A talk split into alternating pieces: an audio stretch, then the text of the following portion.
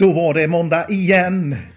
Nej men hej och välkomna till en ny vecka! Ja men härligt. Nu är det liksom börjar släppa allting nu. Man har glömt av semestern. Man börjar glömma av alla restriktioner. Eh, Det är säkert många som varit ute på sin första after work kan jag tänka mig. Ja, och du vet nu- tänker- löningshelg. Ja, och jag tänker så här direkt. Ja. Alltså, belamra nu fan inte sjukhussängarna med Nej. massa eh, könssjukdomar istället för corona. Bara för att det är något eh, riktigt jävla kosläpp. Det går inte. Så är det. På det är, eh, man får Så hålla försök. Det, går, det finns skydd. Det finns Jajamän. det. Vi har ett samarbete med RFSU. Nej. Nej, jag bara skojar lite. Det har vi inte. Vi har en ny grym samarbetspartner. Ja. Skylt direkt.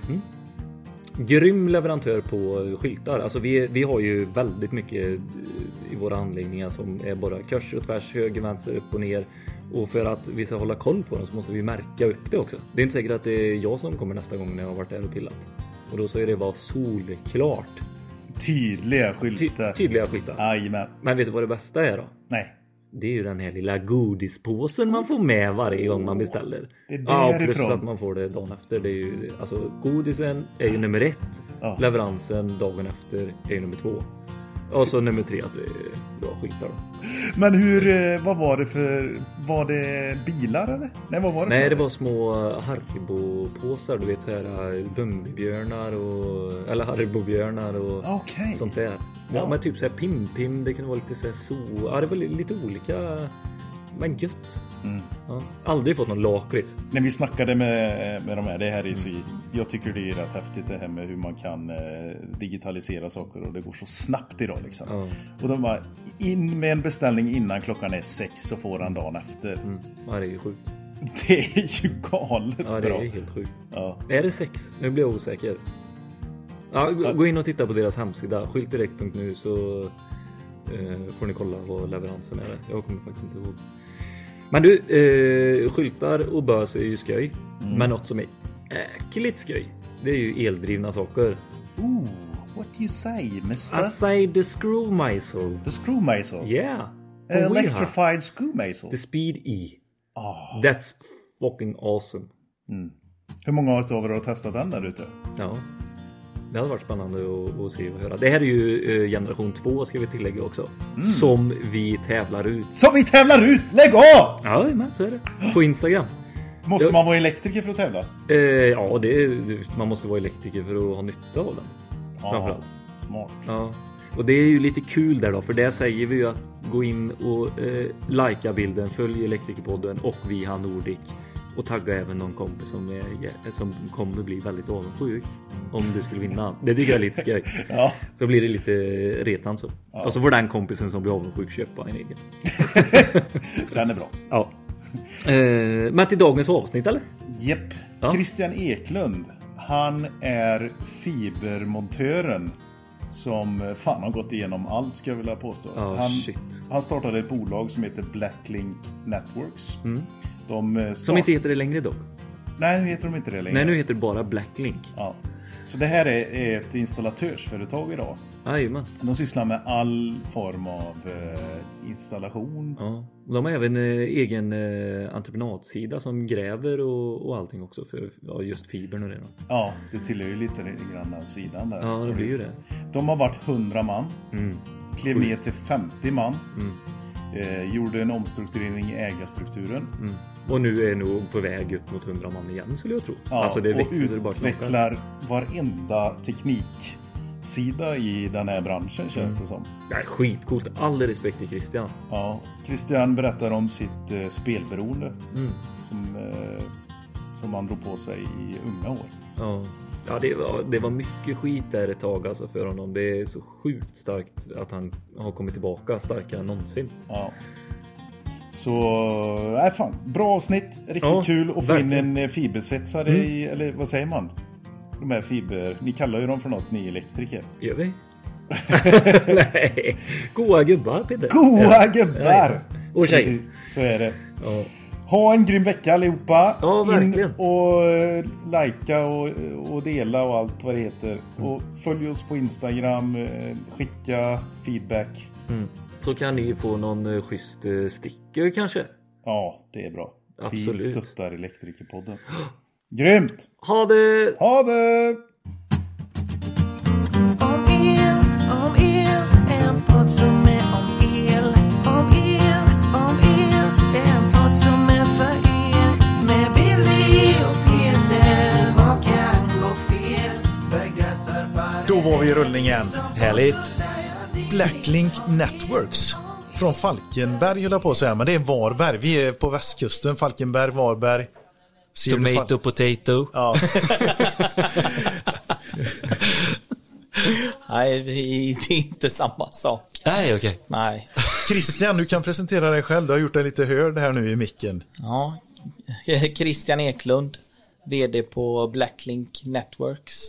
Ett fiberföretag. Ja. Eller vill ni bli associerade med det eller är det installationsbolag? Alltså, idag skulle jag nog säga att vi är teknikbolag faktiskt. Från början var det ett renodlat fiberbolag som gjorde fiberinstallationer. Men idag skulle jag säga att vi är ett teknikbolag som gör alla typer av tekniska lösningar helt enkelt. Det är ändå snyggt teknikbolag. Ja. Det, istället för installationsbolag. Det gillar jag. Det ni hör i bakgrunden, det är ju det att vi, vi sitter här på Deg, en restaurang i Göteborg som gör högtempererad pizza. Så det suset ni hör i bakgrunden och snacket det är från gästerna faktiskt. Så det är lite lounge-miljö. Vi sitter i vinkällaren kallas det. Ja. Vi har ju ätit lite Christian här nu. Vad tyckte du? Ja, det var fantastiskt. Alltså, jag kan verkligen rekommendera det här stället. Ja, det är så mysigt också. Ja, mysigt verkligen också. Det ligger på eh, rätt sida av stan med. Ja, eller hur? Det var enkelt att ta sig hit eller? Ja, precis. Ja. Så för alla er ute i landet då, så när ni är i Göteborg så stick in på Deg och nämn Elektrikerpodden så får ni en schysst deal. Jajamän, så är det. Det är viktigt att bevaka hela eh, bredden av elinstallatörsyrket, elteknikyrket, elektriker. Liksom. Eh, Svagströmsbiten är ju en del i det. Och fiberteknik är också en del av det. Eh, Ja, fast det kanske inte alla tycker, men så är det. Nej, och varför har den liksom uppdelningen blivit? Du får, du, tar du den, Billy? Du som är elinstallatör och ser ner på...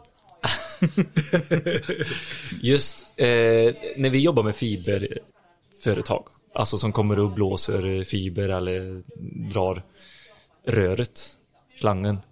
Det är ju på stora, större lägenhetsprojekt.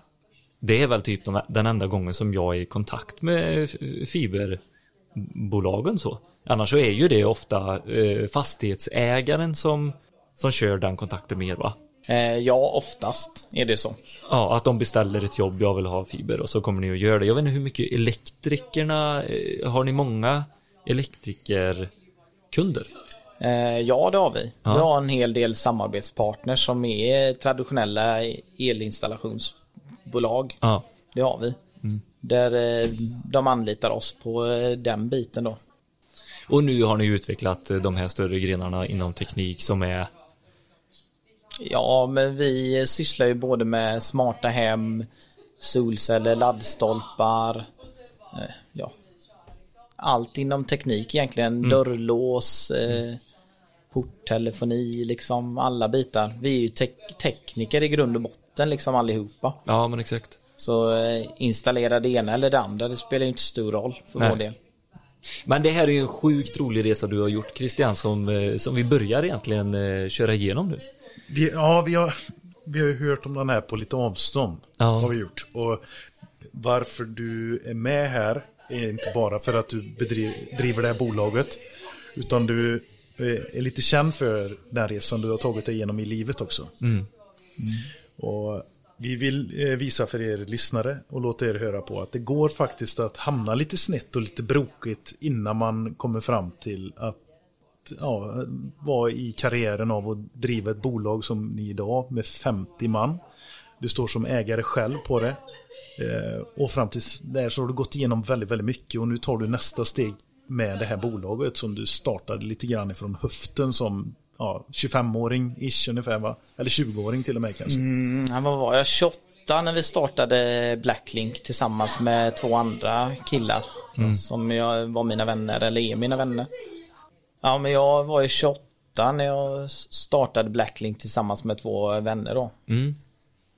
Så eh, vi drog igång ett eh, bolag. Jag hade varit i branschen lite innan och eh, ja, ungefär sex år hade jag varit i branschen och kände att vi behövde en ny utmaning. Så eh, 2011 började vi bedriva verksamhet i bolaget och sa upp oss i november 2010 och så jobbade vi kvar hos våra gamla arbetsgivare i sex månader och Jaha, i den nya kostymen? Ja, nej inte den nya kostymen faktiskt utan vi hjälpte han kvar eh, som anställda i, i bolaget då.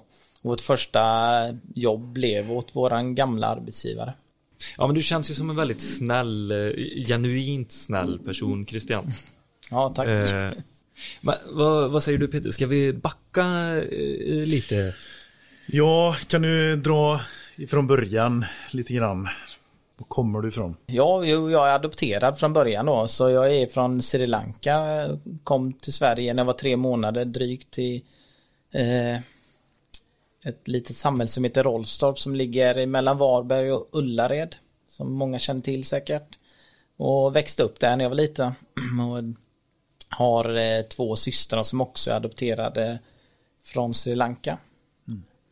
Eh, så, nej, jag, Men är de helt, eller är det syskon med dig eller? Nej, vi är inte biologiska Eh. syskon, men vi är adopterade från samma, eh, ja, samma barnhem kommer vi ifrån. Okej. Så det är, men det är ju min familj liksom. Och jag växte upp där och man känner ju det liksom, vi är väldigt lika varandra liksom allihopa och jag är väldigt lik mamma och pappa liksom. Så det är ju jäkligt kul faktiskt. Och nej, det är skönt. Det är inte bara arvet rent biologiskt utan det är miljö tillsammans med arvet som har... Hur man formas? Ja. Mm. Ja, jag, har ju alla eh, alla delar av mina föräldrar som de har liksom och eh, delar blodsbandet som saknas bara. Mm.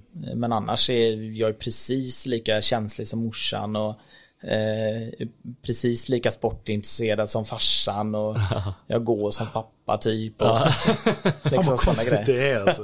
Det är Ja, jättekonstigt. fast, ja, ja, Jo men det är lite, ja, men just, det är ju fysiologiskt hur man går. Ja, fast det är väl det här med förebilder också. Jag menar, eh, lyssnar man på någon som pratar på ett speciellt sätt som man har som förebild, då kan man ju nästan börja anamma lite av de uttrycken och de delarna som man hör på. Kan inte ni eh, tänka på det? Jo, men så Christian, är det nog. när, när du sitter och lyssnar på Elektrikpodden. Då trycker du på paus och så kommer det en kund och så... Åh, Christian är du? Fan läget eller? Ja. Jo men det ligger nog mycket i det faktiskt. Jag använder ju eh, min mammas eh, ord i mångt och mycket liksom. Sängkammaren är inte så vanligt att man använder idag men det använder ju jag. Alltså, liksom, det är knappt någon som vet vad det är liksom. Christian är singel. ett, ett ord som är nära till hans, hans vokabulär just nu. Används flitigt. Ja. Men i skolgången, hur var det? Nej men eh, skolgången var la blandad liksom. Eh, när jag gick i yngre åren så var det ju rätt jobbig och tuff tid liksom. Gå på en en skola på landet där man var Det var få mörkhyades liksom och sånt och eh, ja, det var lite Det var jobbigt liksom. Eh, var utsatt för lite mobbing och sånt eh, när man växte upp. Hur kunde det låta?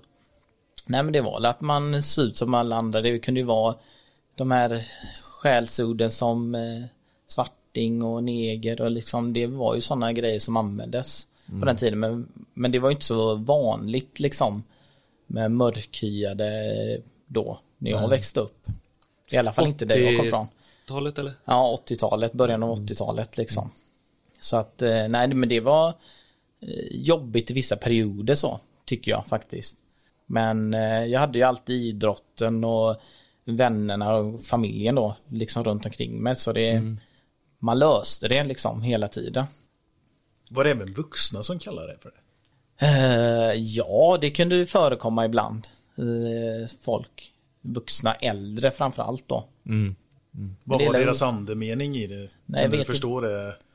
Nej, men blir de arga så var det ju sådana, kunde ju komma ja, sådana skällsord skäll. liksom. Om man gjorde Då något låg fel. de nära till hans, för jag tror de ju fortfarande gör det för äldre människor om jag ska vara helt ärlig. Ja. Det är den generationen där som, mm, Ja, det gäller okunskap ja, mångt och mycket kan jag tycka. ja.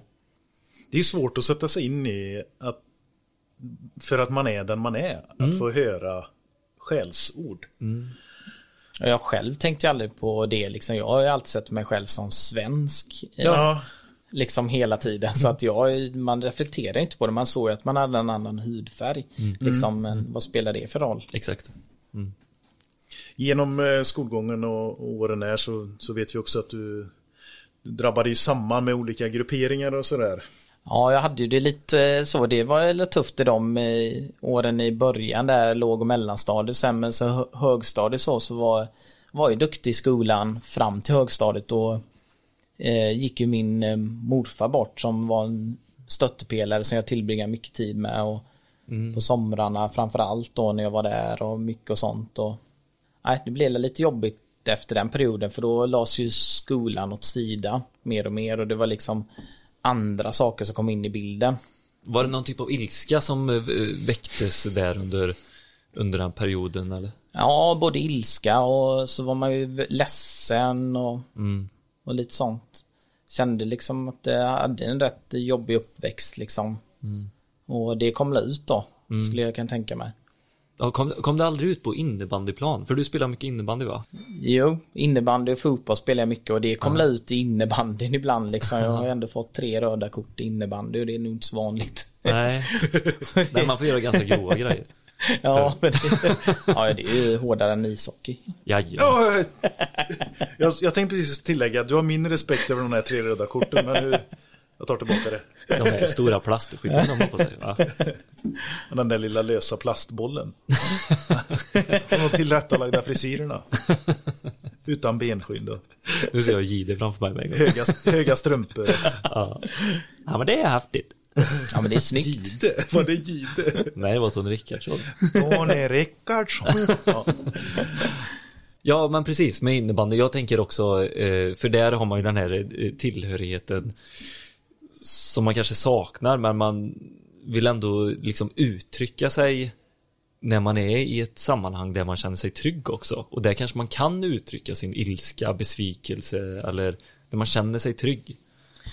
Ja, jo, det kanske man kan. Det var inte så att jag kanske var sprang omkring och var arg när jag spelade innebandy utan det var nog mer att jag kände att jag där kände jag ju trygghet och man ville ju visa att man var duktig på innebandy och man man kunde kämpa någon, liksom. var någon liksom, bli accepterad och så. I laget och även utanför. Men då var morfar en eh, väldigt stor förebild för dig, eh, har jag förstått eller? Ja, han var egenföretagare liksom Ja. och eh, hade ett större snickeri till att börja med som han småningom sålde och sen hade han en egen snickarverkstad då hemma på gården. Vad snickrar han då? Nej, han gjorde bland annat nyckelskåp och eh, mili- mm, så här Melitta filterhållare eller så heter det. Aha, jajamän. Ja. Ja, och så här olika ja, träprydnadssaker Mm, kan man väl säga och eh, grytunderlägg och ja, lite det här blandat som han då sålde till olika Pula ställen. lite sådär. Ja, och det var jävligt kul liksom. Så han var en inspiration till att bli egen företagare. Det väldigt tri- trivsamt på något sätt. ja Väldigt men- mycket hårt arbete för han jobbar ju i långa dagar liksom. Mm. Men det ser ut som han hade väldigt roligt hela tiden. Jag tror att man behöver ha en förebild eh, som har liksom det här entre entreprenörskapet för att själv våga ta steget. Jag tror det är jätteviktigt. Ja, det tror jag med. Och jag hade ju en duktig chef som min tidigare arbetsgivare. Han var väldigt duktig företagare. Ja, Så han var ju också en inspirationskälla. mm, mm, Faktiskt. Han är väldigt duktig. ja. Ja, det är viktigt med förebilder, så är det verkligen. Ja, och nu, nu senare i livet har man ju träffat på otroligt många duktiga entreprenörer och Mm. företagare och så som är drivna, Mm. som inspirerar mig. Men eh, hur var det i, eh, i gymnasiet och sånt då? Då, då tappade du lite där. Eh, eller, Vad var det som hände på gymnasiet? Nej, alltså det var både det ena och det andra liksom, men det var, det var en jobbig period och jag gjorde la revolution inombords i mig själv och Okej. hade jobbig perioder. Det var väldigt mycket stök och bök omkring mig liksom. Ja, Det var ja, alkohol och allt det här liksom runt omkring och eh, slagsmål och Okej. Ja, det var stökigt i livet runt omkring och man sökte sig till människor som var i samma sitt som en själv eller så. Det blev automatiskt att man drog sig åt det hållet. Det här missnöjes delen eh, att eh, folk som är missnöjda med sin egna situation, var det det som man drogs till? eh, Eller vad var det? Det var lite mer, ja det kanske och spänningen liksom att det hände I någonting den mer åldern så än i dras man vardagen. till spänningen. Ja. Och, och de som inte vågade det, de, de rände inte ute på kvällarna liksom. Nej, Alltså vi är ju typ i samma ålder. Jag är född 86 och du är född 80, två. 82 ja. Och det var ju väldigt mycket att ränna ute på kvällarna, sent på kvällarna. Vi drack hembränt. Vi hade inte så mycket droger, men vi drack hembränt och lite hyss. Så. Eh, medans eh, de som inte gjorde det, de, men de satsade på idrotten kanske och var mer hemma och så, bara tyckte inte det var lika roligt. Ja, men det var ju mycket sånt. Ränna ute på nätterna, hänga på stan, träffa tjejer och det ingick ju. Sen försökte man ju upp till det då syssla med idrotten. Ja, för du körde idrotten ändå ganska länge också eller? Ja, jag höll på med innebandyn eh, fram tills jag blev ja, 21 kanske ungefär. Ja. Skulle jag säga. Liksom eh, var med i Hallandslaget och innebandy och det gick rätt bra för mig innebandy men så skadade jag knät och fick göra en operation, en knäoperation och så blev, blev det misslyckad så jag var ju borta i sex år totalt. Oj. Med korsband, menisk och hela den biten då. Och fy satan. Var det fram och tillbaka eller var det kört och så var det bara paus i sex år liksom? Eller? Nej, det var fram och tillbaka första året. Ja. Men sen de andra fem åren så var det bara operationer på operationer för att komma tillbaka. Och sen när man väl kom tillbaka då var man ju liksom, vad var då, 27, 28 liksom. Och det, Ja. liksom Då var man inte så attraktiv längre på den idrottsmarknaden. Nej. Där eh, kan du beskriva en eh, speciell händelse där på gymnasiet som eh, gjorde att det gick åt fel håll. Ja men gymnasiet, ja, jag hamnade ju i ett eh, bråk som blev, gick snett och eh, det blev rättegång av det och jag blev dömd eh, för grov misshandel. Och då var jag ju 18-19 och eh, jag blev dömd då eh, när jag var 20-21 ungefär ett år senare. För det. Och det var ju en jävligt tragisk händelse för mig eftersom jag kände att det var inte jag som var orsaken till det. Men eh, det Även nu så här efteråt så kan du se på händelsen och känna att det var, var inte riktigt fair eller? Nej, jag tycker inte det. Nej. Jag tycker inte det faktiskt, att det var så. Alltså, man får ju skylla sig lite själv. Om man ger sig in i situationer så får man ju stå sitt kast. Så eh, nu när man blivit lite äldre så kanske man kan tycka att ja, jag får skylla mig själv. Jag kunde kanske vetat bättre. Men det var där och då när man är så ung så vet man ju knappt vad som är rätt och fel. Nej. Liksom det så man testar ju gränser och allting överallt. Eh, Men det var ju ett uppvaknande för mig. Att det blev så. Och det var jättehemskt. Så, Fick du fängelse eller? nej, alltså straffskalan på den tiden var, det var de yrkade ju på sex månaders fängelse. Men det blev samhällstjänst och maxböter på den tiden. Eh, Så jag gjorde ju 200 timmar samhällstjänst. Och så fick jag betala böter då. Mm, just det. Skadestånd till eh, offret. Ja, fick jag. Hur mycket var det? På den tiden var det, om jag minns rätt, så var det 12 800 kronor ungefär. Och det är jävligt mycket pengar när man inte har några pengar. Liksom. Ja, ja. Eh, Vad sa mamma och pappa? nej, mamma var ju aldrig med i rätten då, men pappa var ju med hela vägen, både i tingsrätten och hovrätten. När vi överklagade och så vidare och de tyckte att det var förjävligt liksom. Något speciellt som du tänker på som har varit extra som färgar dig? Att du tycker att det har varit tufft? Nej men eh, ja, det var la, det var ju alkohol i, i, ja, runt omkring mig liksom i familj och runt omkring så överlag. Ja, men du pratade ju själv eh, förut där när du var, gick på gymnasiet så kanske det blev lite för mycket alkohol. Ja det var mycket alkohol och även droger och sånt runt omkring och i och bland så det Nej det, nej, det var jobbigt. Mm. Man flydde tänker- från verkligheten lite på något sätt. Man Ja. ville liksom leva någon annanstans än att vara i det här som var lite tråkigt kanske och Mm. ja. Nej. Men om vi går vidare här nu i i livet här så efter du har avtjänat det här straffet. Samhällstjänst och det. Under tiden här så fortsätter du umgås med de här vännerna. Nej, jag bröt egentligen med allting där och då och stack till Norge. Okej. och eh, jobbade där. Så jag var i Norge i ja, drygt ja, jag hade, När jag blev dömd så var jag i Norge på den tiden. Jag hade redan åkt faktiskt. Så jag var hemma emellan där. Så jag var i Norge till fram till 2005. Jo, det, eh, du berättade ju för oss om att du hamnade i lite fel grupperingar under gymnasieperioden. Eh, kan du berätta om den tiden där? Ja, jo men jag hamnade väldigt fel ibland liksom. Jag eh, umgicks en hel del med rasister själv ett tag, en period i mitt liv. Där jag var på ja, fester med ja, Rena rasistiska Ja. organisationer. Ja. Liksom. Ja. som jag var med på de festerna och det är ju också väldigt konstigt med tanke på vad jag hade upplevt själv. Ja, eller såg du det som någon typ revansch? Eh, Nej, då, jag eller? vet inte vad det var liksom. Det var alla också att man hamnade fel och gled in på den banan och där fick man ju också någon form av uppskattning i perioder. Eh, och i andra perioder så var man ju inte ens vatten värd liksom. Okej, De under- bara bollar dig som någon form av ante liksom. Det spelar ingen roll vad, Mm. Ja, lite så. vart vi hade Christian. Eh, men han var vissa- skojig. Ja, men vissa var ju mina vänner där. Ja. Alltså. Men eh, det var inte alla som såg det så kanske. Nej.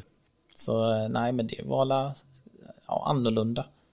Ja, det det är en jävligt konstig varit. Ja. upplevelse idag liksom. Jag har fått stryk för att jag själv var rasist liksom. Mm. Eh, och det är ju inte så jättetrevligt inför hela skolan. Nej. Men eh, jag var inte rasist. Överhuvudtaget liksom. Det var ju bara för att jag var med folk som jag var mina vänner. Men, eh, ser du dem som vänner idag? Nej, jag har inte träffat de här människorna på hur länge som helst liksom. Nej. Och, så. och vissa av dem var lika snett som jag så att de har också gått vidare i livet. Nej fan det är ju som det är, det är ju så det har varit så det är ju Ja. sticka under stolen med liksom. Det, bygger, det är ju du liksom. Ja det är, ja, det är det. någonstans- Jag har ändå format mig till den jag är idag faktiskt. Ja. Att man går igenom alla tuffa saker genom åren och ser alla olika typer av människor och, som tycker olika saker. Det, jag respekterar ju alla människor för deras åsikter med så jag tror det är viktigt och det är en lärdom jag har lärt mig liksom idag när jag träffar människor. Jag respekterar alla människor för deras åsikter även om inte jag kan hålla med om dem. Mm, och hur man eh, gör olika val i livet. Så jag håller inte alltid med men jag kan respektera det fullt ut. Alltså det är den största lärdomen jag har tagit genom åren när jag själv har varit snett och hamnat snett och det allt det här. Så tror jag jag lärt mig av alla mina misstag. Och det tror jag är- min största styrka idag. Faktiskt att jag försöker ta mig förbi och igenom allting. Har det varit någon som har sagt ifrån och att jag har gjort fel och det här så har jag lärt mig av det liksom. När jag blev dömd för misshandel så skulle jag aldrig göra om det. Nej. För det lär man ju sig liksom sjukt mycket om. Det var inte meningen att det skulle ske. Nu skedde det. Och efter det så lär man sig att man ska aldrig behandla någon människa illa på det Eller ge sättet. sig in i Nej, de eller sätta sig i den bråken. situationen utan håll det utanför. Ja. Liksom istället. Mm. Och det är väl det som är liksom Livet. Ja, livet Ja. Och, och, och att man väljer den vägen istället för att testa det igen. Alltså det är ju det som är skillnaden på, på människor och ja, kanske kriminella och de som gör något vettigt av det. För det fortsatte, det var väl lite det som du hittade när du började jobba egentligen, dina arbetskamrater och att det fanns en tillhörighet med goa och glada människor. Alltså mitt första arbete, jag jobbade ju egentligen aldrig mer än hjälpte morfar. Nej. Och, ja, jag var med farsan en gång på eh, ett sommarjobb eh, 97. Men det gick la sådär. Så satt jag och sov i ena änden när vi skulle langa brädor liksom. Så satt jag någonstans på mitten och sov. Så. Nej, jag var inte så sugen på att jobba faktiskt. Det var jag inte. Utan jag började jobba, mitt första jobb, riktiga jobb var på GKs i Ullared liksom. Och då hade jag Jaha. ju gått ut gymnasiet. Mm. Och då lärde jag känna Ola-Conny och Morgan bland annat jobbade jag ja, med. Och eh, då fick man ändå lära sig glädje och tycka det var roligt. Jag älskar det här med arbetskollegor. Jag hade så jäkla roligt på den tiden. Det är nu det roligaste jobbet jag har haft. Är det så? Ja. Jaha, vad var dina arbetsuppgifter där? Jag eh, drog pall och eh, lastade upp eh, matvaror i butiken liksom. Jobbade på livsmedelsavdelningen och ja, det var superroligt. Vad mötte du i Norge? Oj. Pengarna. Ja, det, jo, det var ju pengarna som var drivkraften dit då för att skapa mig liksom lite utrymme och köpa en bil eller en ny tv liksom. Eh, Alla prylar jag hade i, i hemmet liksom, där hade jag jobbat mig ihop på något sätt men det var liksom, eller sparat upp liksom. Jag köpte min första gummibåt när jag var kanske tio år, det köpte jag för en krona liksom. Jaså? Som jag hade sparat. liksom genom alla år. Så att, eh, nej men det lockade med pengarna. Mm. Eh, Så eh, jag åkte till Norge och rensade fisk, började med rensa fisk. Underbart. Ja det var, ja, det var fantastiskt, jag älskar det. Jag åkte tillbaka dit fyra år i rad. Och Oj. för andra året jag kom dit så tyckte de jag var, helt dum i huvudet. För fan så kommer du tillbaka en andra gång. Och tredje gång var det ännu värre och fjärde så bara skakade de på huvudet. Luktar det inte väldigt mycket fisk där? jo. Händerna luktar väl fisk i typ ett år efter eller? Ja, jo. Nej men har slutat, det har jag hört i alla fall. Ja, riktigt så illa var det inte. Inte för mig. För jag hade sån jäkla tur. För den här fabriken jag var på, där kanske var 30 anställda. Ungefär. Sen var vi några svenskar. Men sen var ju, av de 30 så var nog 25 från Sri Lanka. Jaha. Så det blev som en liten familj för mig. Så de tog hand om mig och försökte prata lankesiska och med mig och jag kunde ju inte ett ord. Så de såg ju mig som sin lilla son. Ja, ja, ja, ja. Så de tog hand om mig. Så jag, jag ska säga så här, jag hade inte det jättejobbigt. Jag, det var inte så att jag stod och rensade fisken utan jag körde ju maskinen oftast. Ja, de satt ju med på de bra jobben. ja. Så jag hade det väldigt bra faktiskt. Men var det under den här perioden någonstans som du, du fick en son eller? Nej, utan det, det blev så att det slumpade sig lite så att jag eh, var på väg hem eh, så, eller en gång på resa stannade jag i Hemsedal och tänkte jag ska säsonga lite där. Mm. Sen så småningom så träffade jag en tjej där som jag hade haft lite kontakt med innan och, och ja, så blev det på den vägen att eh, sen åkte jag tillbaka till Norge igen eh, där jag var då i Bergen och var där och tänkte egentligen bosätta mig där men så åkte jag hem igen och Vad sa du, i Bergen? ja, Jaha, oj. Det är lite ut på byschan så. Ja, men jag tänkte när jag åker från Varberg ska jag åka så långt bort från Varberg som möjligt. Alla åker ju till Oslo, men jag tänkte jag åker till Bergen. Så det blev där jag var då hela tiden. Och jag tänkte egentligen bosatt mig där, men så åkte jag hem. Träffade den här tjejen och sen så, ja, blev det som det blev. ja, hon var från Varberg. Ja, Ja, ja, men ni träffades i Norge. ja fast jag kände henne sen innan. Ja. Så blev hon gravid. Ja. Och då behövde jag söka ett jobb i Sverige istället.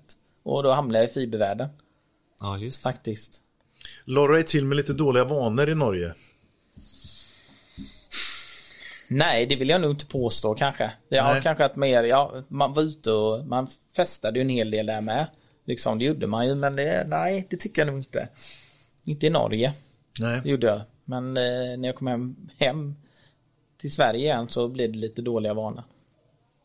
Igen, faktiskt. Alltså eh, missbruk med alkoholen eller? Nej, utan eh, spelmissbruk hamnade jag i då. Så när min dotter föddes då 2006 så hade jag ju eh, börjat spela en hel del poker. Och, Det var eh, då det började bli lite hype med online-poker eller? Jajamän, så det var online-poker då.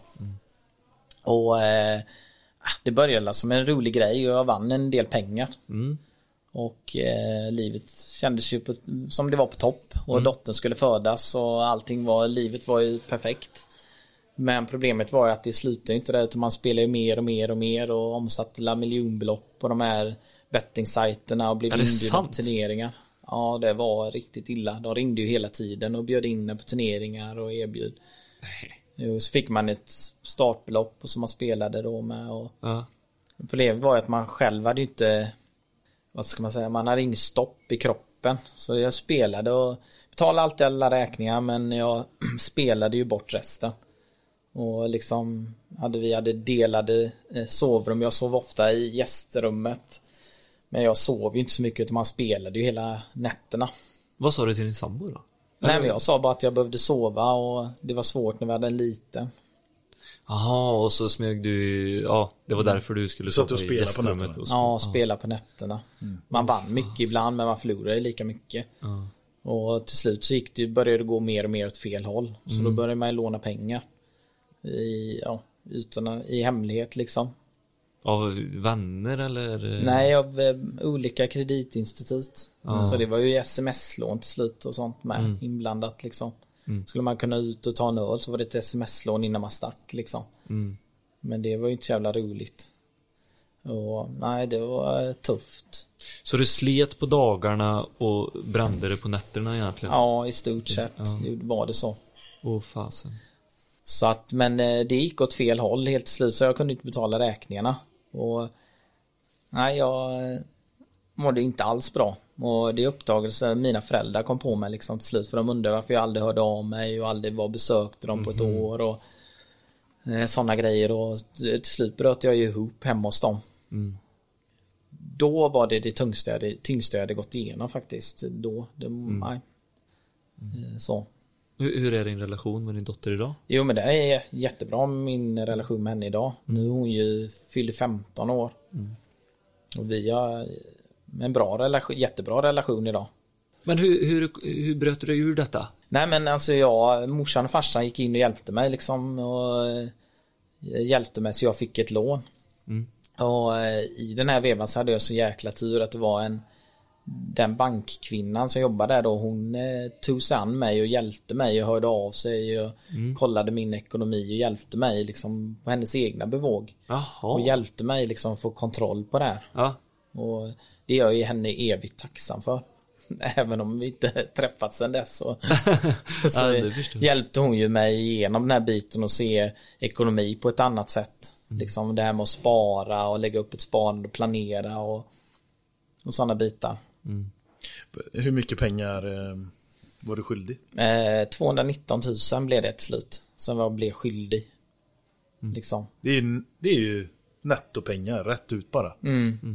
Nej, Ja, men det det, var- det, var, ju- det var en jobbig period med spelet. Det var det jävligt jobbigt och samtidigt så gick man igenom en separation där också och min dåvarande sambo fick cancer i samma veva som jag. Det här med spelmissbruket uppdagades så det var ju ingen bra timing på någonting. Så det var en jävligt tuff tid. Ja. Och du är inte ens 25 år här. Nej, jag var ja, typ 25. Ja, jag var 25 när hon fick beskedet om att hon hade cancer och spelmissbruket kom upp till ytan.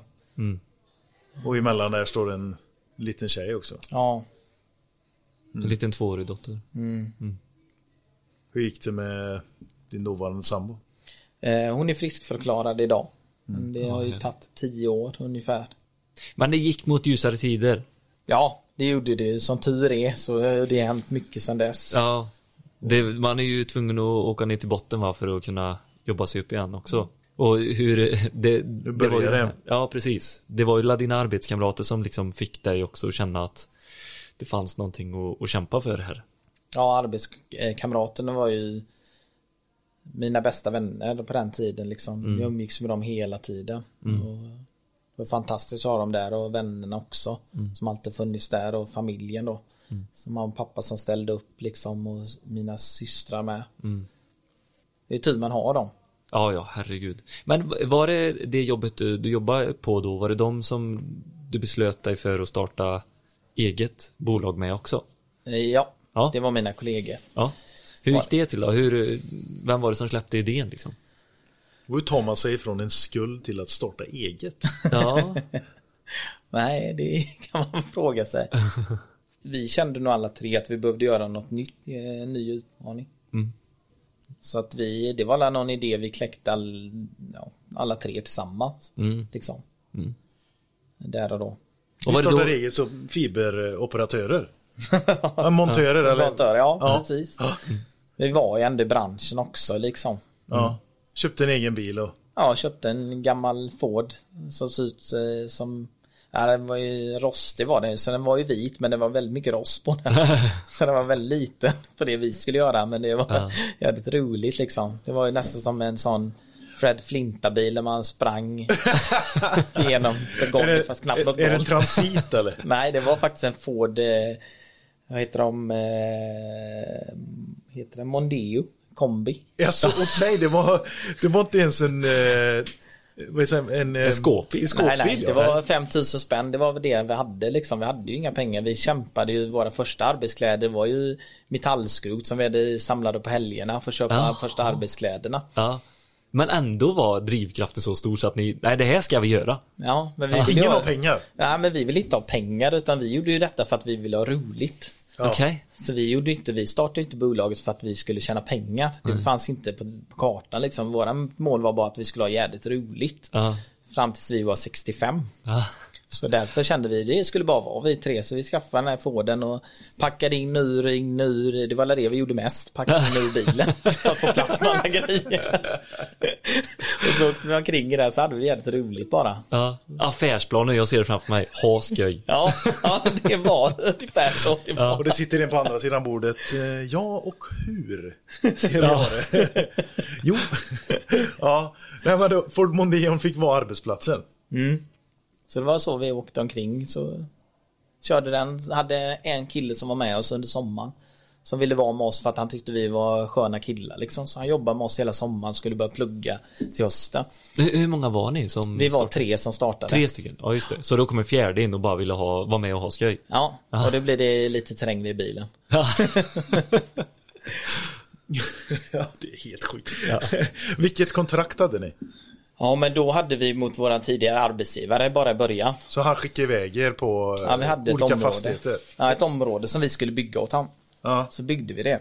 Då, så då sålde ni timmar direkt mot er gamla arbetsgivare? Ja. ja. gjorde vi. Så över sommaren och sen till hösten så hade inte han så mycket projekt till oss direkt utan eh, kontaktade jag en som jag kände lite via min dåvarande eh, sambo var hon vid det tillfället. Eh, så eh, kontaktade jag honom, han var i branschen också så att eh, han hjälpte oss, fick vi ett jobb. Så anställde vi en kille till och Nej. Men eh, hur, eh, hade ni egna fibersvetsar och sånt? nej, det hade vi inte. Nej, för det är ju ganska stora investeringar. Nej, vi, hade, vi fick ju inga starta eget-bidrag och inga, inga, vi hade ju inga pengar liksom. Nej. Utan vi fick ju låna eh, privat då, var och en maxbelopp liksom. Ja. Och Och hur kändes det? det kändes jädrigt jobbigt. Ja, faktiskt, för de för- pengarna föröker ju på en dag. Ja. Ja. Uh. För det första investeringen var ju mätinstrumenten, det var 150 000 och sen var ju pengarna slut liksom. Åh fy fan. ja, det är så mycket pengar i detta. Ja, så fibersvetsar och sånt hade vi inte utan det fick vi låna av eh, till en lägre, vi gick på en lägre timpeng så fick vi låna det av våra beställare då. Jaha. Mm, som försörjde oss med maskiner och sånt. Vi hade lite egna som skruvdragare och sånt som vi hade köpt på, eh, ja, på nätet. Så billigt det bara gick att få tag i liksom. Så det var det vi hade själva. Sen så lånade vi resterande borrmaskiner och ja, svetsar och allt annat. Alltså vilken jävla drivkraft du måste ha haft liksom bara Vi ska. Motstånd och Ja. motstånd och bara, nej men vi löser det. Vi, ja, Ja men det funkar liksom. Vi fick ju in så att det räckte till lönerna liksom. ja. Och vi, det, då funkar det ändå. Och vi hade jävligt kul. Men drivkraften var ändå att ha skoj. Det tycker jag känns skönt liksom. Ja Att men det- det var verkligen så roligt. Ja, att ha roligt på jobbet och eh, vara med folk som man trivs med i sin eh, närhet. Det Ja, var grunden i det hela eller? Ja, det var grunden i det hela. Så de första anställda var ju eh, barndomsvänner och familj som vi anställde liksom. Som Ja. behövde eh, arbete liksom. Ja, hur fort gick det? Om du bara tar en snabb... Eh, Recap fram Ja. tills... Jo, men alltså vi började där sommaren och då var vi en kille som slutade då efter sommaren och sen blev vi anställde vi en kille till då, en barndomskompis. Så var vi fyra. Och sen så anställde vi la, under hösten där en, en kille i i september började vi anställde vi en kille i veckan ungefär. oj, Så i- under Är september. vi, är vi 2012 nu eller? Nej, 2011 fortfarande. 2011 fortfarande. Så vi hade jobbat kanske, drivit företag då från maj till september. ja, När vi började anställa igen. Så det, vi blev en 8-10 man där under hösten. ja. Och det gick ju väldigt bra. Sen till nästa sommar var väl Ja, 20 kanske, 15-20 man. Och, Åh herregud. Så det fortsatte i den takten. Och det var ju nära vänner och bekanta, familj Ja. och folk som kände folk. Men hur flöt det med ekonomin och sånt då? Under de här tillväxtåren? Nej men alltså vi, alltså Vi hade ju mer pengar på kontot än vad det gick ut i alla fall. Så Ja, ja. Det var det viktigaste. Vi kunde betala lönerna, vi kunde investera. Mm. i företaget. Och blev det någon vinst på sista raden så investerade vi i det bolaget Mm. hela tiden för att skaffa egna fibersvetsar och egna bilar och Mm. sådana grejer. Som 2012 köpte vi våra första bussar, egna nya bussar. Mm. Det var ju jävligt häftigt att komma in och köpa två nya svarta bussar. Det stod Blacklink Network på. För det, nej, det var jävligt kul faktiskt. Ja. Så, men sen blev det några pengar över det så, skänkte vi det till välgörenhet och hjälpte till att stötta föreningar i Ja. idrottslivet och sånt. Det var någonting du nämnde och det känns ju väldigt stort alltså. Mm. Eh, och kunna göra det lite filantropiskt eh, sådär. Ja, men vi kände att vi ville hjälpa till så vi gjorde sådana här eh, västar till eh, dagis och sånt. För där gick man alltid med trasiga västar. Så vi skänkte västar till alla dagis i kommunen. Och, eh, ja, Ja men eh, och till idrottssammanhang och sånt också ja eller idrottssammanhang så sponsrade vi lite med små pengar och hjälpte till där. Och Ja. Så gott vi kunde liksom. För det var ett år det gick väldigt bra för dig va? Ja, 2015 blev ett eh, superår för oss. Eh, de omsatte väl dryga nästan 27 miljoner, 26 miljoner drygt, 26-7 miljoner. Gjorde en vinst på 6,7 på Mm. Det är sista raden. galet. Mycket Ja, det var galet. I våran bransch så är det väldigt bra. Eh, ja. Det är mycket pengar, Ja, det är det ju. Ja. Från att ha varit, varit skyldig folk, ja. ligga 219 000 back. ja. Ja, det var en annorlunda känsla. Ja, hur var känslan? Kommer du ihåg den när ni satt på det bokslutet och bara Men vad fasen gubbar, vi har 6 miljoner över här nu. Ja, det roliga var att vi inte visste om det förrän bokslutet kom liksom. För vi tänkte ju aldrig på pengar. Vi visste ju att pengarna räckte ju alltid och det gick runt och vi Ja. Så nej, det var en väldigt speciell känsla. Men då tog ni inte ut några löner, höga löner själva eller? Nej, utan vi låg normallöner hela tiden liksom och så. Ja, för det var fortfarande ni tre grund eh, pelarna som var kvar i detta då. Ja, det var ju vi och det var, var ju de anställda som byggde bolaget. Alltså alla anställda vi hade var ju väldigt duktiga och gemenskapen var jävligt bra. Så det är ju, Så vi, vi, var ju vi var ju ute och jobbade på fältet som alla andra liksom. Och var en del, så alla vi var ju kollegor liksom och byggde bolaget tillsammans hela Ja. vägen. Men det var eh, efter ett tag där ni blev väldigt många var och splittrades lite om man säger så, att ni tog hand om olika delar va? Ja, det var ju så liksom efter några år där så eh, tog den ene södra regionen och jag tog la mittenregionen så den andra tog norra delen utav västkusten då. Ja, just det. Eh, ska man säga då. Och eh, när man kom hem då på eh, veckan så kunde man bara, ja, då, hur många anställda har du? Nej men jag har 15 och, ja men jag har 10 och jag har 15 jag med. Åh oh, jäklar, det är så här mycket folk liksom. Det var ju lite konstigt så men det, det funkade liksom. Ja. Man anställde efter det behovet man hade liksom på sin Ja, men region. precis. Så det blev jävligt mycket folk. Ja, det Helt plötsligt så man förstod det. Så det blev bara blev så liksom att vi blev större och större. Det var inte meningen att det skulle bli så. Nej. Men vi var bara ett härligt gäng liksom. Ja, precis. Ni hade fortfarande roligt. Ja, Ja. så det var jävligt kul. ja. Men är, är det fortfarande roligt eller när, när slutade det vara roligt eller på att säga? Var det någon gång som det var en dipp? Alltså du är ju ändå själv idag så att eh, Ja, det är precis. Vad hände med dem? gruppen har ju brutits upp. Ja, men det har varit målet. För för alla hade ju olika mål kanske.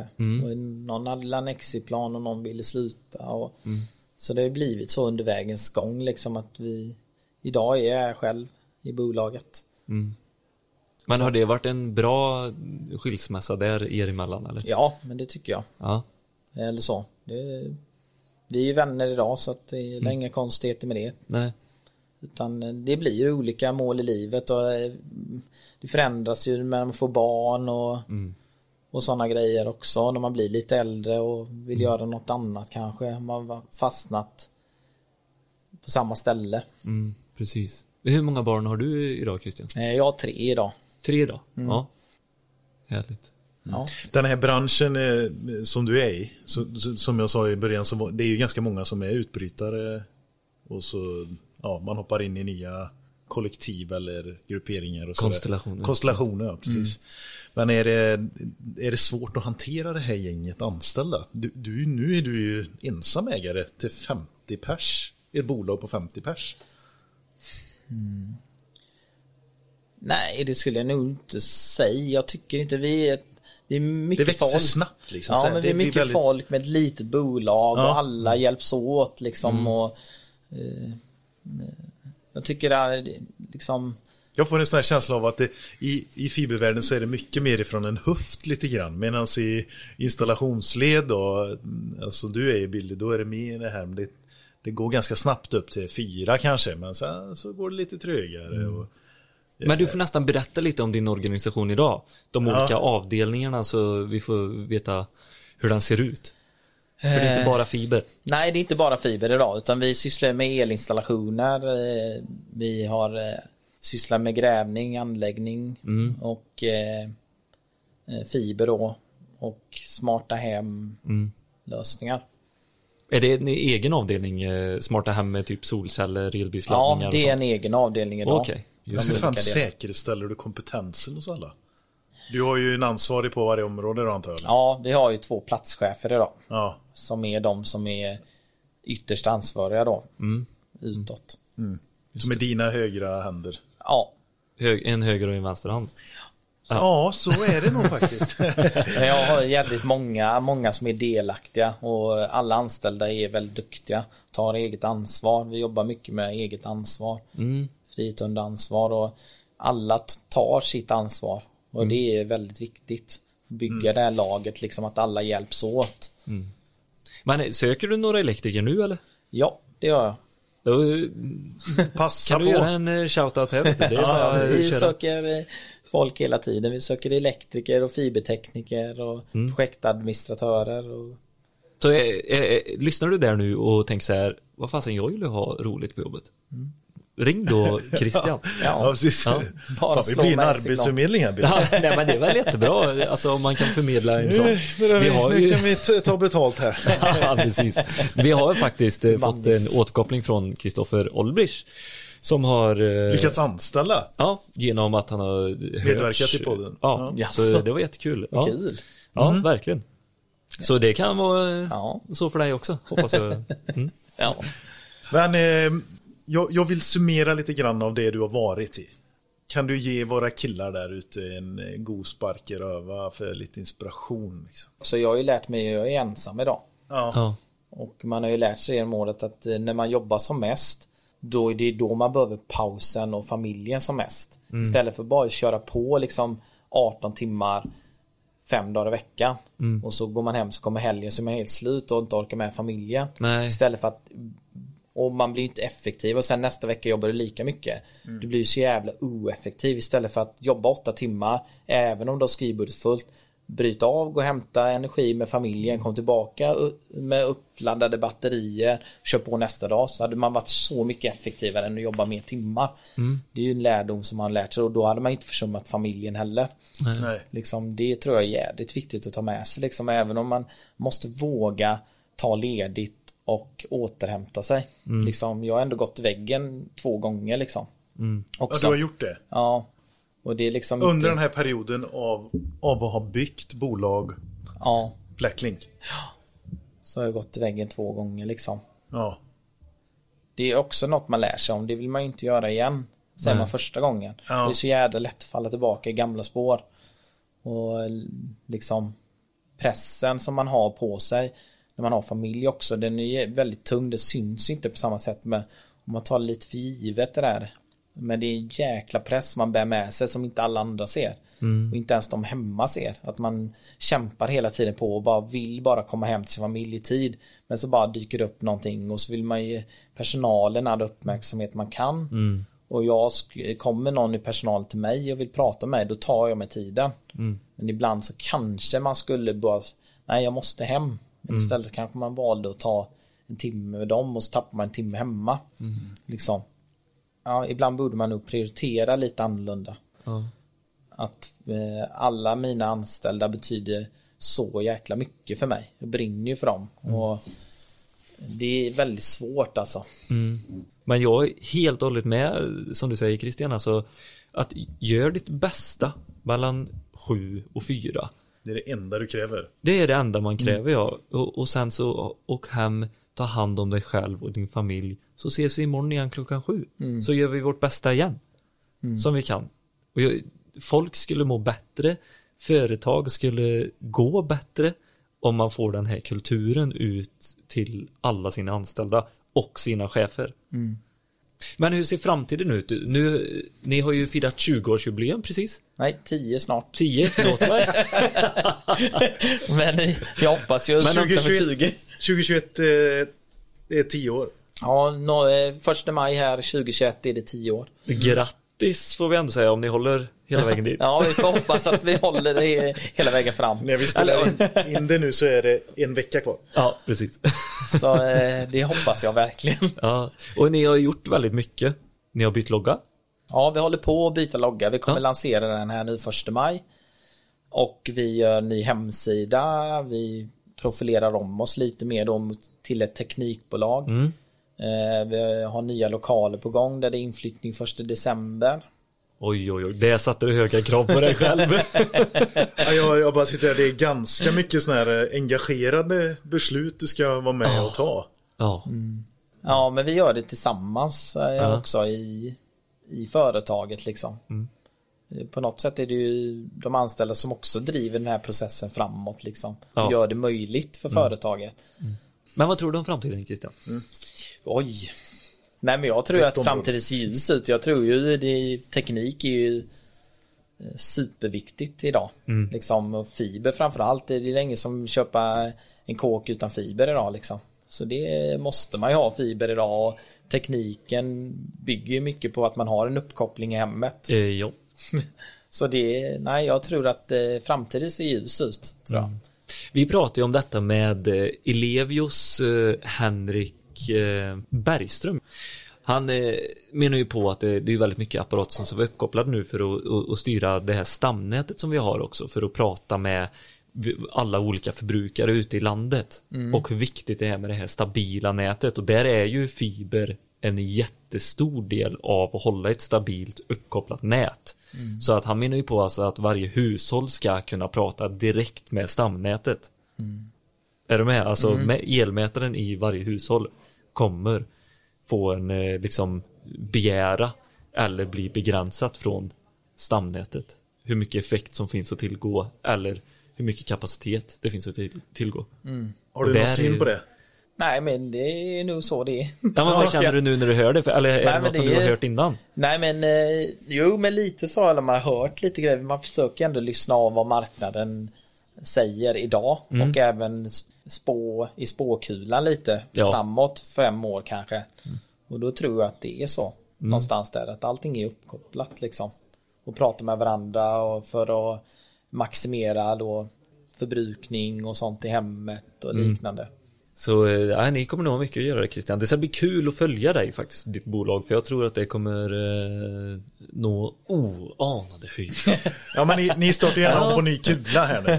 Ja, När vi spelar det, in ja. det här så är det ju en eh, uppstart lite grann liksom. 2021 det blir en, en liten nytändning på något vis. Eller 2022 i de nya lokalerna. Ja. Men det känns som detta året, det, vi satsar väldigt mycket. Ja, men vi gör ju en satsning och vi, man ska ju inte ta något för givet liksom eh, och vi hoppas ju att det här kommer gå vägen. Liksom den satsningen som vi gör. Men det är ju ingen som vet liksom. Det finns ju massa grejer som ska spela in den här pandemin som eh, hela världen tampas med idag liksom. Ja. Den är ju rätt tuff. Liksom, och man vet ju aldrig vad det, när, när slutet kommer liksom. Nej. Och det påverkar ju alla idag tror jag. Påverkar det dig som företagsledare också och, och kunna se framtiden liksom?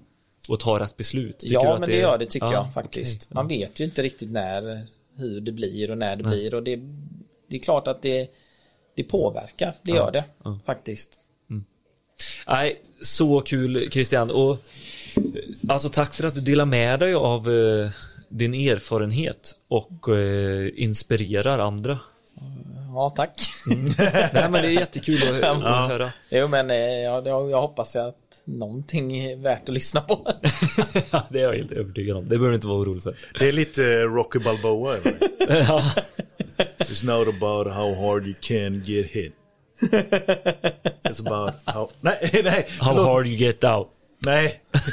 It's not about how hard you can hit. It's about how hard you can get hit and get up again. Christian Eklund. tack Christian. Tack, tack så jättemycket. Om.